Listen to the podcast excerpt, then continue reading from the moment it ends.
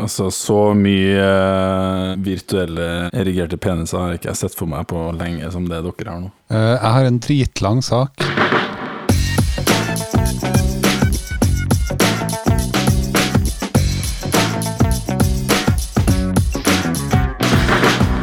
Du hører på Psykologlunsj, populærvitenskapelig lunsjprat med psykologene Tommy, Jonas og Jan Ole.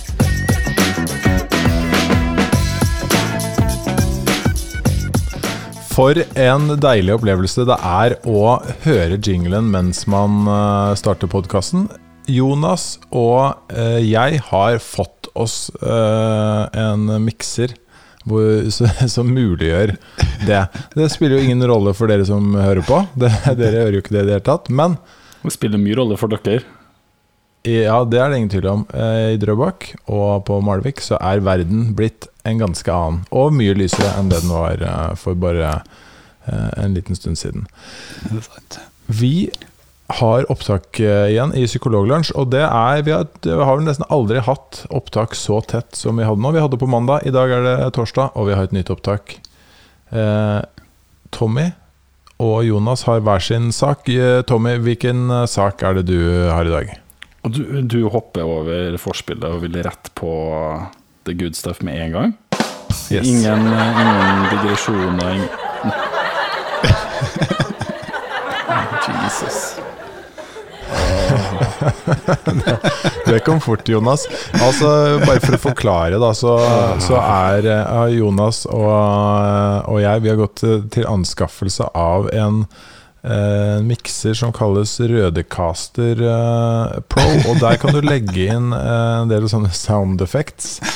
Eh, og håpet var jo i utgangspunktet at de aldri skulle bli brukt, men Jonas klarte å vente ca. tre nanosekund før han måtte trykke på de knappene. Det er utrolig morsomt. Jeg, jeg er sikker på at de ikke har det her på Radio Trøndelag, altså. Det, det er garantert. Så, det, så nå er vi high-tech. Det blir et annet type program nå. Vi kommer til å ligne mye mer på Rorbua, og mye mindre på det vi var før. Forresten, jeg, jeg drev og leita, og så sjekka om jeg fant vignetten til Rorbua. Så jeg lærte du skal høre mye. Det tviler jeg ikke på. Ja, Ja, jeg kjenner jeg allerede jeg angrer meg på hvorfor jeg spurte deg om eh, vi ikke skulle gå rett på sakene våre. Ja, det, det skal jeg tenke lenge Du skulle aldri ha spurt om det, men nå du har mulighet til å hente deg elegant inn igjen nå, Tommy. Eh, Du, hva skal du snakke om i dag? Jo, nå skal du høre. Er dere klar nå? Ingen flere jingles, eller ingen flere soundbites nå? Ingen Det kan Jonas? vi ikke love deg, det vet Ja, du. det helt, Ok. eh, det, det, Ok, ok, fokus. Um, dere kjenner til det her uh, produktet som uh, I den artikkelen som da jeg leste, som er engelsk, så omtales det som essential oils. Altså eh, sånne aromaoljer som eh, Hva heter det for noe på norsk? Eh, som man, sånn aromaterapi, eller sånn der man har type eh, velduftende oljer som eh, man også gjerne sier har eh, terapeutiske effekter på en del ting. Eh, Jan Ole, du som er sånn mythbuster, har det Eh, noe norsk eh, ekvivalent? Ja, så Det heter jo aromaterapi i Norge også. Ja, Og så heter det essensielle oljer, men eh, det er det to sider av samme sak. Usikker. ja. Så, men i hvert fall type sånn her velduftende oljer da, og massasjeoljer som eh, brukes eh, til å skape god lukt, men som gjerne også reklameres at kan funke for angst, autisme, depresjon, stress, smerter, insomni, høyt blodtrykk, bakterieinfeksjoner, eh, hudproblemer eh, og eh, åndelige og relasjonsproblemer. oi. Det var en bra miks. Det er jo mange som ikke vet at, uh, at relasjonsproblemer og hudproblemer er veldig nært Veldig nært. beslektet i sykdoms... uh, Ja, fordi hvis du husker fra, humanfysiologien, så husker du at aller først så har du jo liksom sædcellene og eggcellen som blir et sånt sammensmeltes, og så lages det en sånn nevralplate. Og Mm. den nevralplaten så er liksom Uh, er det jo er det sånne enkelte deler av nervesystemet som ligner på hverandre, som blir utviklet seg til ulike deler. Så derfor så er de relasjonelle problemene og, og hudproblemer og sånt noe relatert til hverandre. Det er bare det, bullshit. det er en men, logisk uh, forklaring. Ja. Det er bare det er bare bullshit. Men uh, det kunne ha vært sant. men det som da er, er at noen forskere har undret seg over hvorfor er det ikke så mye forskning knytta til hvilke mennesker er det som velger å være positiv til sånne type oljer? Ja. Ja. For de søkte rundt omkring på nettet etter da de De vitenskapelige i, i de vitenskapelige databaser. eh, Ja. For å se om eh, eh, De var veldig nysgjerrige da, på hvem er det som kjøper eller er positiv til sånne, sånne aromaterapier. Så fant Ja. de ingen forklaringer på det. Så da i sånn god tradisjon da, i psykologisk forskning, så gjør de eh, undersøkelser da, og prøver å finne ut av uh, hva er det som karakteriserer hvilke personlighetstrekk og hvilke egenskaper ved, uh, er det som kjennetegner mennesker som, uh, som eh, eh, går god for å kjøpe og tror på sånne type eh, aromaterapier. Da. Ja. Og da kommer det masse sjokkerende eh, funn, som det alltid gjør. Vil dere gjette på hvilke type trekk, eller hvilke type Ikke, sånn, ikke, ikke tenk noen big five, men er det, er det noe dere tenker er relatert til hva som kjennetegner sånne personer? Jeg vil tippe på øh, åpenhet. Ja, for Det nå går det på big five. Ja, for det, for, ja. ok. Mm. Var det, det du, var det ikke det du Nei, men, spurte nei, men vi kan godt ta den her eh, vi, det, vi kan godt gjøre det. For det, har, eh, det står ingenting om det i artikkelen, men vi kan godt undre oss litt over det. Det er fint. Men, Hva var det du spurte om da? Nei, altså, så det de, det de, det de har, da, det var eh, Det var en sånn faktor som de kaller for bullshit. Eh, altså eh, bullshit-mottakelighet. Ok. Bullshit tolerance, Det er jo ikke ladet i det hele tatt. Ja, ja hvis, du, hvis du er mottakelig Ja. for bullshit, så eh, så har du større sannsynlighet for å digge sånn aromaterapiolja. da. Ja, jeg sånn- føler at den var At den, eh, den personlighetsfaktoren der uh, var litt normativ. ja. Ja. Men, men, Det- det, men- det, ja. Men uh, ærlig talt, det er jo altså Jeg, jeg skjønner jo at uh, det er litt artig med sånn type forskning hvor, eh, hvor på en måte eh, forskerne kan bli, bli kritisert for å ha en agenda, da. på et vis.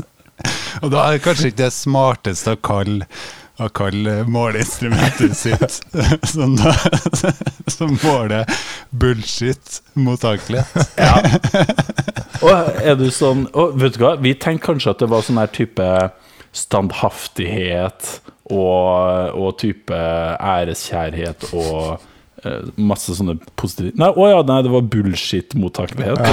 Oh, ja, ja. Og, og du scorer også veldig høyt, høy på dusteskalaen, så uh, det er ikke noe galt i det. Folk er forskjellige, men du scorer veldig høyt på bullshit og på På dustefaktoren. dustefaktor, ja.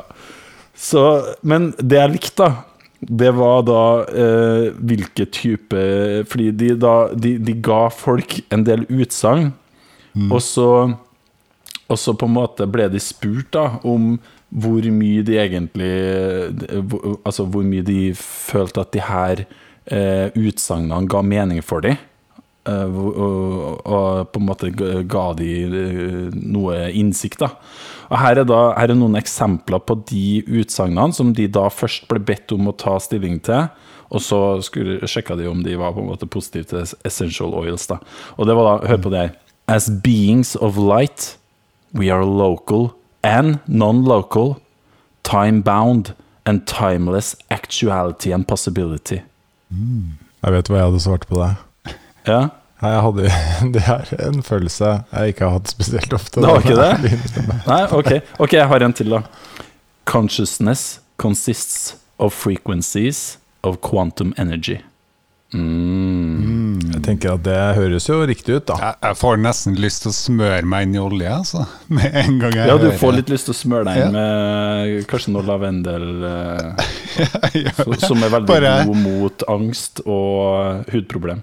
Ja, jeg har lyst til å springe bare på badet og mikse sammen et eller annet som kan smøre meg inn hele kroppen. Ja. Vil dere ha en, en, et par til? Et par, par til? Vi har vi har Ja. et par til. Ok. The invisible is beyond new timelessness. Ikke gammel. Nei, nei. Ok.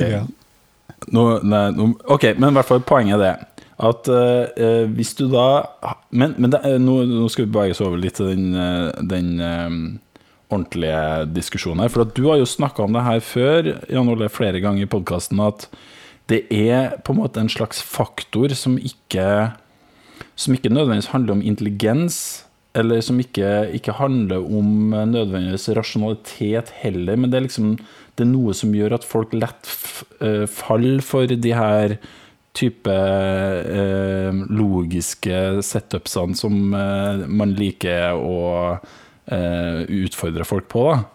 Eh, Ja, ikke sant? Sånn at det er en slags sånn her bullshit-detektor Eller nå brukte jeg litt negative ordlag igjen, da, men det å kunne på en måte se litt grann, eh, Bruke noen ekstra sekunder på å tenke gjennom Mm. Ja. ting. Det er et eller annet som ikke fanges uh, godt opp av IQ-testene, eh, IQ-testene, i alle fall, eller det vi forbinder med det. Mm. Ikke, så så ja. mange, det man, mange av de man Man tenker jo kanskje at det er Mange tenker at det er dumt å falle for sånne fraser som det der. Jeg vil tro at mange av våre lyttere eh, er blant dem som tenker at det, det hørtes kjempeteit ut. Men det er jo ikke, ikke, det er jo ikke sånn at eh, det er mindre intelligente mennesker som, eh, som tror på det. Eh, Så det, det handler om noe annet. Det handler om en eller annen måte å forstå verden på som ikke er knyttet til den prosesseringskraften i hjernen, antakeligvis. Mm. Men jeg tenker jo altså, Det fanges heller ikke så godt opp av personlighets... Altså, av den Big Five-modellen. da. Mm. Eh, hvis man har hørt om det trekket åpenhet, eh, altså openness to experience, så, eh, så ser man at eh, ja, eh, openness to experience, eller åpenhet for nye erfaringer, som er et personlighetstrekk som kan handle om liksom, hvor tilbøyelig du er for å like kultur, kunst, eh, nye kreative ting, nye måter å tenke ting på. Så det er ikke, nødvendigvis sånn at det trekket, altså det trekket korrelerer med alternativ helsetjenestebruk, annet. Eh, Men man ser også at det trekket korrelerer med intelligens. Så det er egentlig veldig mange, eh, en god del forskere, eh, altså hvis man eh, en god del forskertyper som, eh, hvor man ser at eh, det å velge yrker sånn som, eh, hvor det handler om å tenke nye tanker og utforske nye ting, der scorer man relativt høyt på åpenhet der òg. Mm. Så det, eh, samtidig som at du har, kan ha tradisjonsbevisste, altså folk, personer som scorer relativt lavt på åpenhet, men som, eh, og som liker egentlig å forholde seg til verden ut ifra det man har lært seg gjennom oppveksten, og, og sånn som samfunnets krav stiller til deg at du skal leve livet ditt på. Så likevel så kan du være veldig mottakelig for å gjøre, og altså bli fascinert av sånne alternative ting. da Mm. eh, sånn som alternativ behandling. Eh, Sånn at eh, den femfaktormodellen fanger ikke opp hele den variasjonen i det. Mm. Det gjør at eh, ja, du kan kanskje se at eh, eh, blant en del av dem som scorer høyt på åpenhet, så, så vil det være en eh, større sannsynlighet for at de også søker alternativ behandling. Men så har du en, en subgruppe, eller en gruppe der også, som, som er så langt unna det, men som da har eh, da har litt av de samme trekkene. Man er interessert i nye ting, man er interessert i å tenke nye tanker, men man bruker den vitenskapelige metoden liksom, til å utforske det. Ja, ikke sant, for at, uh, Det er jo veldig lett å, å starte med litt sånn som jeg gjør, da, med å gjøre litt narr av det og alt det der, men det er jo en det er en egenskap som er ganske um, viktig, da, tenker jeg. eh, I veldig mange settinger. Kanskje ikke, ikke overalt, men i veldig mange settinger så er det ganske viktig, den her, den her evnen til å ikke la seg så lure av uh, det å se mening i åpenbart meningsløse eh, sammenhenger eller utsagn, eller hva det nå er. Ja. Mm. Men det, at, det jeg også tror, da, sånn eh, Jonas trekker frem her, ikke sant? at eh, det, det fenomenet der, at folk tror på det, det fanges ikke opp av, Mm. av IQ-testene, og det fanges ikke opp av de store personlighetstestene, Big Five og sånne ting. Og det tenker jeg, det sier jo noe om at det, høyst sannsynlig så er det ikke enkle svar på hvorfor folk tror på disse tingene. Nei. Det, er, det, er noe, det er noe veldig komplekst nå. Eh, Så det, man, eh, og du ser jo eksempler på det òg. Folk folk kan eh, tro på eller føle at aromaterapi er verdens mest fantastiske ting, men samtidig så rister de på hodet over konspirasjonsteorier og, og chemtrails-fantasier og sånne ting. Nettopp. Så de er kritiske til det, men de er ikke kritiske til andre ting. Sir Arthur Conan Doyle, som, eh, som jo på, måte, på mange måter fremheves som rasjonalitetens Mm. høyborg, han, han skrev Sherlock Holmes. Eh, og han var jo utrolig opptatt av spiritualisme, og var overbevist om at vi her på jorden kunne snakke med de døde. Så han er, liksom, han er rasjonalitetens uh, mann når han skriver, men tror samtidig på sånne rare ting ved siden av. Så det er jo tydelig at det er ikke et enkelt svar på hvorfor folk tror på en del uh, merkelige ting. Og jeg vil, jeg, jeg vil komme med et litt annet uh, innspill også. Som er bare, det er en sånn personlig anekdote, da. som jeg ser, fordi jeg er jo den av oss tre som kanskje er mest i klinikk, da. Og snakker med pasienter. Og det kan, være, det kan være utrolig fascinerende å se hvordan en god del eh, pasienter jeg møter på som er høyt utdanna, åpenbart svært intelligent. Eh, kanskje de, er, altså de kan være doktorgradsstipend Altså de jobber med det, eller de er, altså, er smarte folk som jobber med forskning og har en logisk, kritisk eh, evne. Men så faller de i sånn her type eh, irrasjonell tenkning om seg sjøl. Ikke sant? Som, eh, så, altså, eh, terapien i mange tilfeller er jo å prøve å korrigere de her misoppfatningene man har av seg sjøl, som gjør at folk blir deprimert og får angst og, og får psykiske plager. Det vi gjør, er jo egentlig i veldig mange tilfeller i mer sånn typisk kognitiv terapi, i hvert fall, er jo å korrigere feilslutningene folk gjør. Og den evnen og den Altså, der har de på en måte en svært logisk evne i, på så mange områder, og så greier de likevel å feile så grunnleggende på en del sånne helt åpenbart feil ting, da. Det er veldig fascinerende. Mm. Eh, Jeg kan fortelle en uh, liten historie fra da jeg ble tvillingpappa. Uh, og begge tvillingene mine fikk eh, kolikk. I hvert fall hadde hadde eh, symptomer. Da. Eh, og da, da søkte jeg febrilsk på nettet liksom etter eh, mulige måter å, å forholde seg til den kolikken på. Da, eh, da var det annet noen som skrev om det her Kiss Kid-syndromet. Stemmer det? Eh, eksempel med at du, du bør oppsøke en behandler som kan eh, manuelt eh, eh, behandle ryggvirvlene og nakkevirvlene eh, for å liksom få vekk det, det, den kolikken. Så det skrev jeg en bloggpost om eh, en gang i tida, men eh, det jeg ikke skrev en bloggpost om, det var, det var en, eh, et, eh, et alternativ til det, da, som jeg eh, som jeg brukte på ungene mine, men som eh, da jeg liksom sjekka ut den, den bakgrunnsforklaringa for hvorfor man skulle gjøre det, så var det ganske far out, altså. Og, det, var, det var liksom å, å pakke ungene inn i et veldig tett pledd. Det hadde vist seg å fungere, da. At, det liksom, eh, at eh, ungene fikk lite bevegelsesfrihet.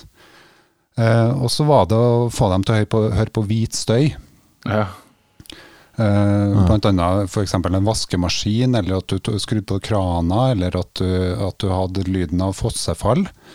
Og flere, altså mange foreldre som, som beskriver at det der er effektfullt. da. Får vekk eh, skrikinga til barnet, og at barnet roer seg. Og så, og så begynte jeg å se at mm, altså det var en som hadde kobla sammen alt det der. At det skulle ha et varmt pledd, du skulle pakke inn ungen, du skulle ha på hvit støy. For, fordi at det skulle gjenspeile hvordan det var inni livmora Mm. da det var foster. Mm. Eh, fordi at den lyden som skjer når du da tar ultralyd, den svisj-svisj-lyden der, er den samme lyden som du har på på vasken, eller den hvite støya som kommer fra TV-en når, når det ikke er noe signal. Og da, da tenkte jeg, også Det tok faktisk en stund til jeg tenkte sånn Hæ, Hvor er logikken i, Ja. i det her? Ja. Ja. Sant? Eh, Men, men, Men- da tenkte jeg med meg sjøl at oi, ja, jeg var såpass desperat i, i situasjonen og prøvde de tiltakene. Tiltakene fungerte jo, sant. Og så blir forklaringsmodellen, den bare bygger på seg. Mm. Og så kjøper du nesten en forklaringsmodell som, eh, som er så fjernt unna, annet enn at eh, det, du heller kunne ha kjøpt den at ja, det her er avledning, og at barnet føler seg trygt med å være ivaretatt på et vis.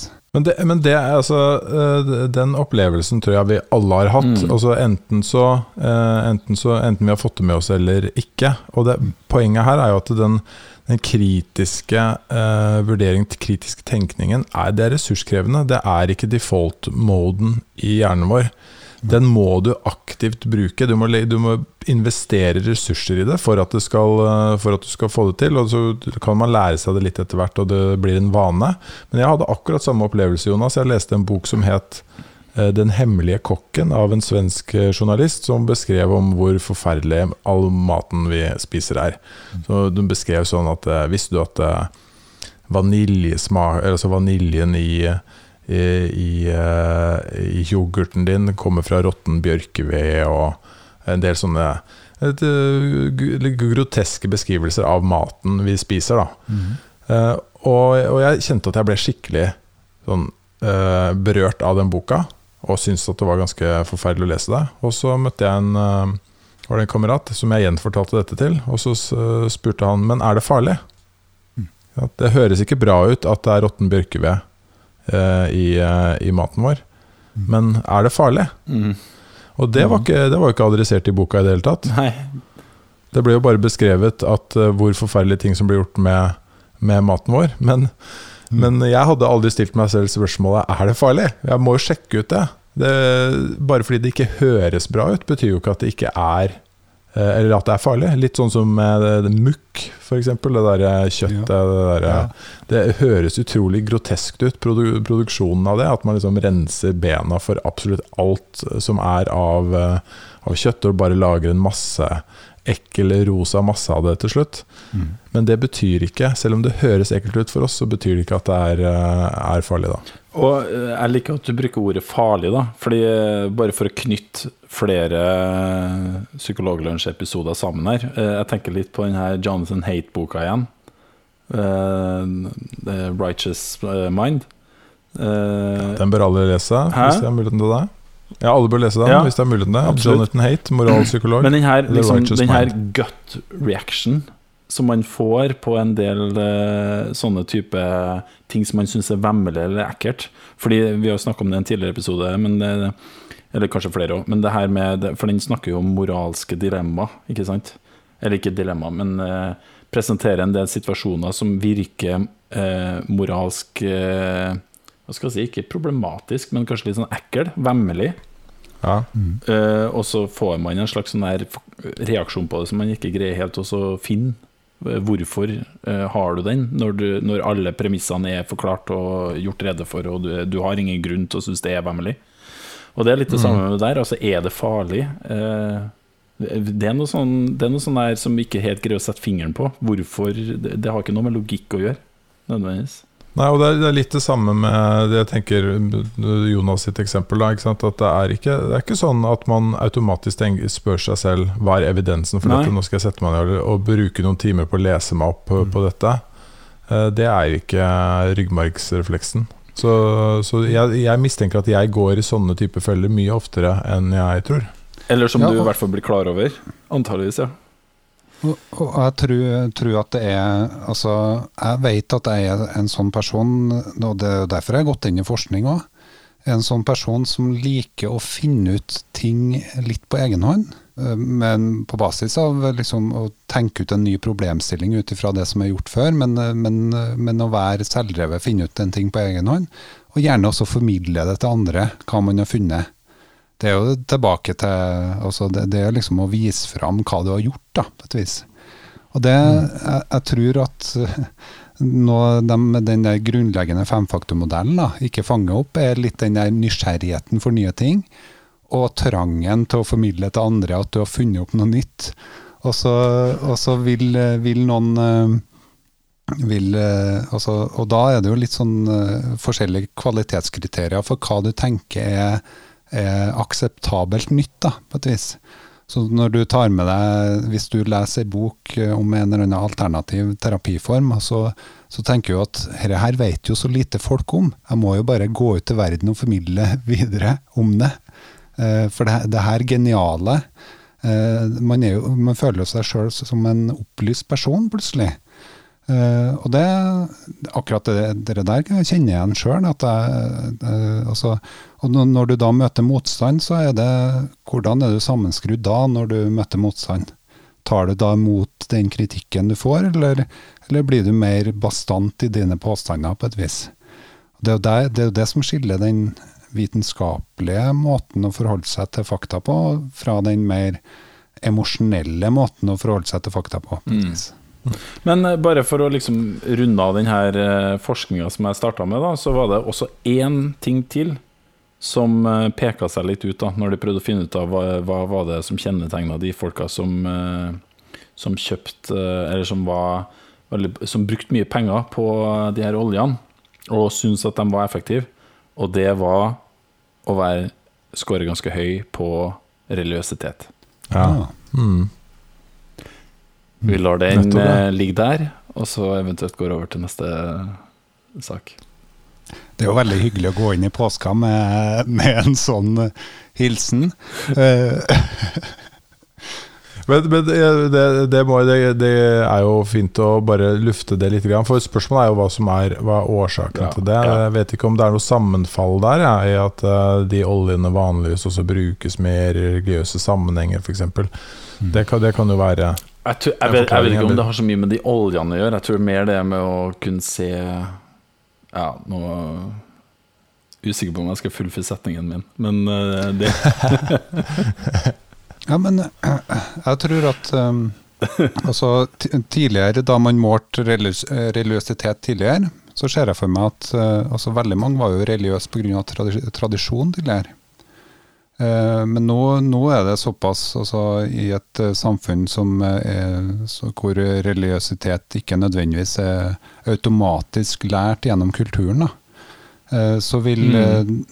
mer, Ja, sånn mer sånn spiri- selektivt, en måte, spiritualitet ja. være, en, være en del av, av det å være religiøs. Da, og da ser jeg for Mm. meg altså det å eh, ha den egenskapen, eller kall det hva, hva du vil, til å, mm, se andre ting enn det som eh, vi andre ser, på et vis, eh, og opplever. Det- Altså, akkurat det der er ganske spennende, Jonas. Jeg tenker litt sånn på hvordan Hvordan eh, går folk inn i religion nå kontra tidligere?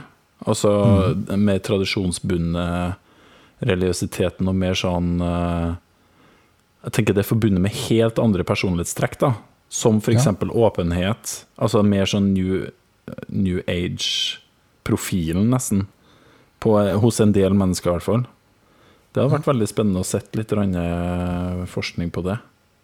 Ja, jeg, jeg tror det, Tommy, at det du sier om eh, kanskje tradisjonsbundne personer eh, enklere var en, del av, eh, var en del av en menighet, eller eh, det å søke Mm. religion før. Jeg tror nok at du har en god del av dem eh, fortsatt. da. Sånn, eh, sånn som du ser i f.eks. Eh, ta f.eks. USA, da, som fortsatt er et, et veldig variert land med tanke på personlighetsfaktorer og sånn, men er veldig høy på, på tilhørighet med ulike menigheter. Mm. Der tror jeg nok at du har ganske mye større variasjon i personlighetstrekk. Også de tra tradisjonsbundne, kanskje er egentlig majoriteten tradisjonsbundet av den kristne eh, befolkninga i USA. da. Mm. Og da vil, du, vil de alternativ, eller det åpne vil kanskje enten være vil eh, være eh, ikke-religiøs, eller de vil ha søkt en annen form for religion. Og der, Det er der jeg tenker at eh, ikke nødvendigvis personlighetsmålene er så gode til å skille ut. Det dem som liksom velger å gå til den mer eh, ikke-religiøse sida, kontra den mer sånn alternative tenkningssida. da. Mm. Vet ikke, det, Tenker dere det samme som meg? eller? Mm. Ja, jeg tror det. Jeg tror det. Det handler altså den øh, Ja, nei, jeg er helt enig i det. Mm. Eh, Så, så det, det har vært artig om noen av lytterne kunne ha, ha Hvis dere har noe innspill på det, eller noen spørsmål rundt det, så skulle vi gjerne ha utforska det. Men sånn for å runde av og knytte eh, denne ukas eh, to opptak sammen. eh, Fikk du ikke noe svar på det her med kusken til Vet du, Jeg har glemt navnet på kusken til Atom Winter, men jeg, jeg fikk faktisk svar på det. Og jeg lurer Det var ikke het, det vi trodde. lurer på om han het Lien. Nei, det, var, Eh, det var ikke Atle Hamre. Det er jo en kusk, det òg. Det er ingen tvil om at eh, det er en kusk. Atle Hamre er en kusk, og han eh, Han eh, Ja, vi skal ikke Ja. si noe mer om Atle Hamre, egentlig.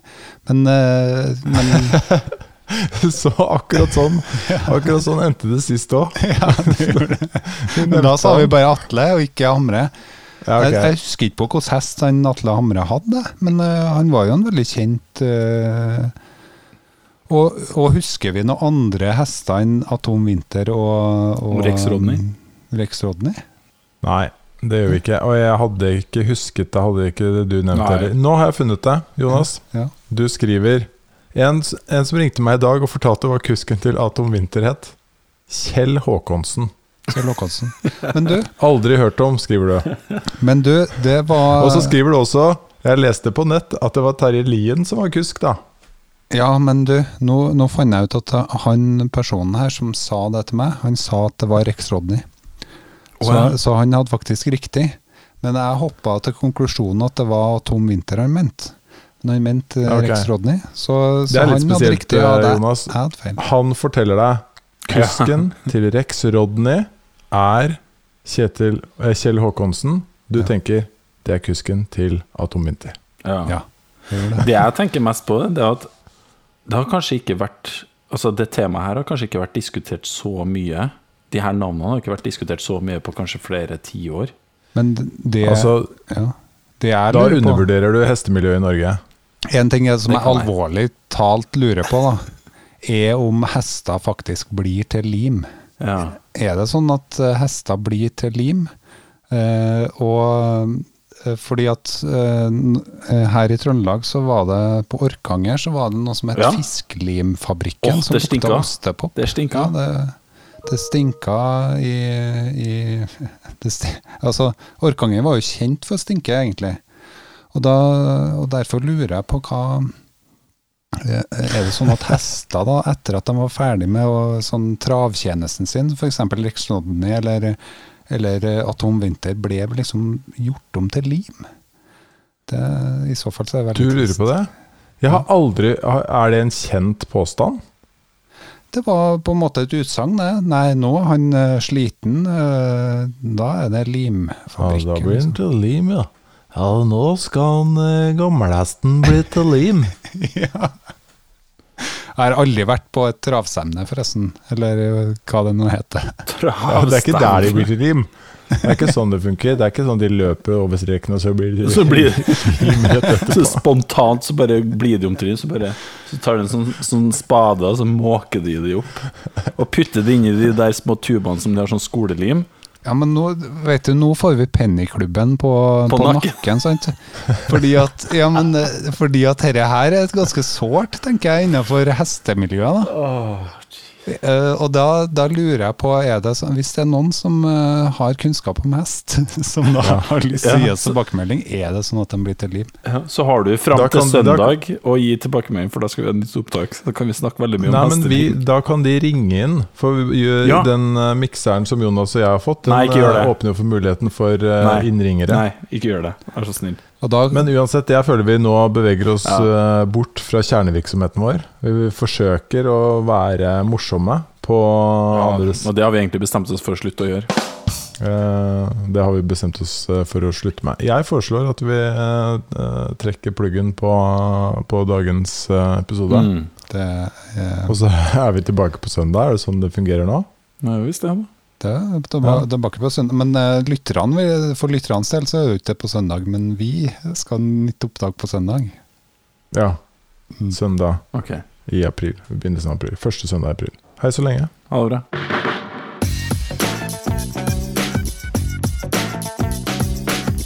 Du har nå lytta til Psykologlunsj. Har du noen spørsmål, kan du søke opp Psykologlunsj på Twitter, eller du kan sende en e-post til psykologlunsj alfakrøll.gmail.com.